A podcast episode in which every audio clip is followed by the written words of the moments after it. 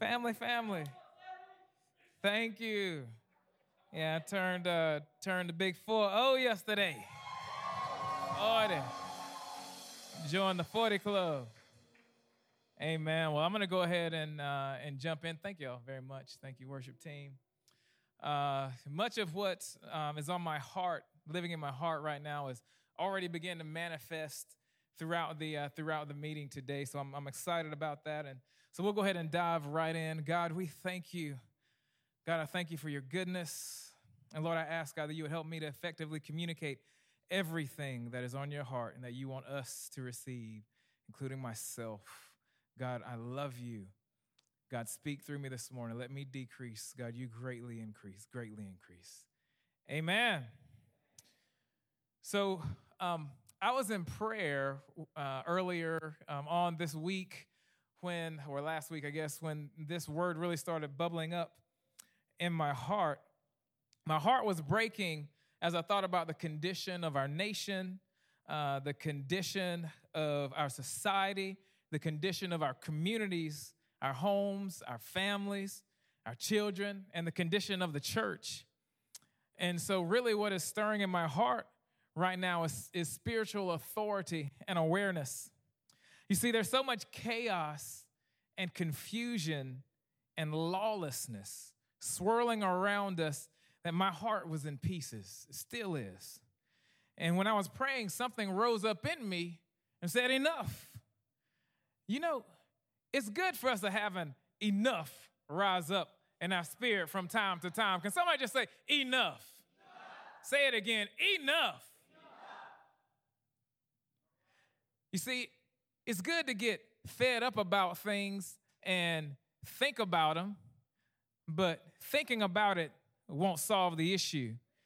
It means nothing if we do nothing about it. So you see, we can I can complain all day about having love handles and a stomach. But if I don't take authority, somebody say authority. If I don't take authority over what I'm picking up with my hand and putting in my mouth, nothing will change except my waistline. Come on, I heard an amen from Becca. My waistline will continue to expand. The lawlessness in my diet will abound and my waistline will explode. Lawlessness is a bad thing. Somebody say, lawlessness is bad. Authority is good. Amen. We're going to break this down simple, bite sized pieces, and we're going to eat this message from the Lord this morning. Amen. You see, I know this from personal experience. It was about six o'clock in the morning earlier, uh, or again last week. My wife and my children were still asleep. So I was downstairs praying in the Holy Spirit and inter- interacting with Him. Now I'm going to stop and I'm going to put a quick pin there. Church, we must, somebody say must. We must get to know the person of the Holy Spirit. We must know the Holy Spirit. We have to start having relationship with him. We have to start interacting with him. He not only blesses us, but it is a blessing to be with him. It is a blessing to be in his presence. It is a blessing to know him. He is my comforter. He is my friend. So we, the church, need to start interacting with the Holy Spirit. Amen. Somebody say amen. Amen. So I began to walk through my home and I began to pray over my wife and my children as they slept. As I did, I began to remember scriptures like Matthew 28 and 18. I'm gonna be kind of moving along here, so you don't necessarily have to put it up. But Matthew 28 and 18 says, um, This is where Jesus gave his, this is right before Jesus gave his disciples the Great Commission.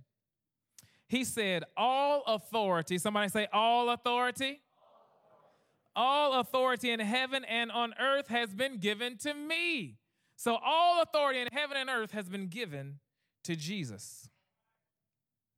I began to think about the Almighty God that we serve, and I, I thanked Him for His sovereignty. I said, God, thank you for your sovereign reign. And if you don't know what sovereignty means, that means supreme power nothing above it, supreme power and supreme authority.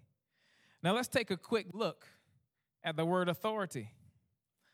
Authority is the power to give orders, make decisions, and enforce obedience. Somebody say, enforce obedience.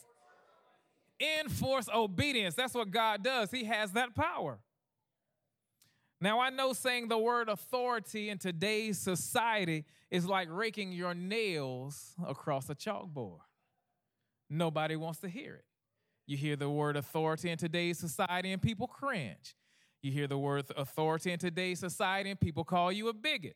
You hear yourself, you hear the word authority in today's society and people say you are a dictator. Well, guess what? That's not just outside in the world, but that happens here in the church. But listen to this Jesus cannot be separated from his authority. Jesus is not only the Lamb of God, he is also the Lion of Judah. Somebody say, the Lion of Judah. He is the Lion and the Lamb. You can't have one part of Jesus without having the other. You can't. It doesn't work that way. That's like saying, Eric, I like your left arm, but I need you to cut your right arm off before you come and be my friend. Well, guess what? That ain't gonna happen. And you're gonna have either all me or you get none of me. Speaking of that, that's like you saying, hey, uh, you know what, um, Eric, I think you awesome, but I can't get along with your wife. Well, hey, guess what? We got a problem because my wife and I, we won.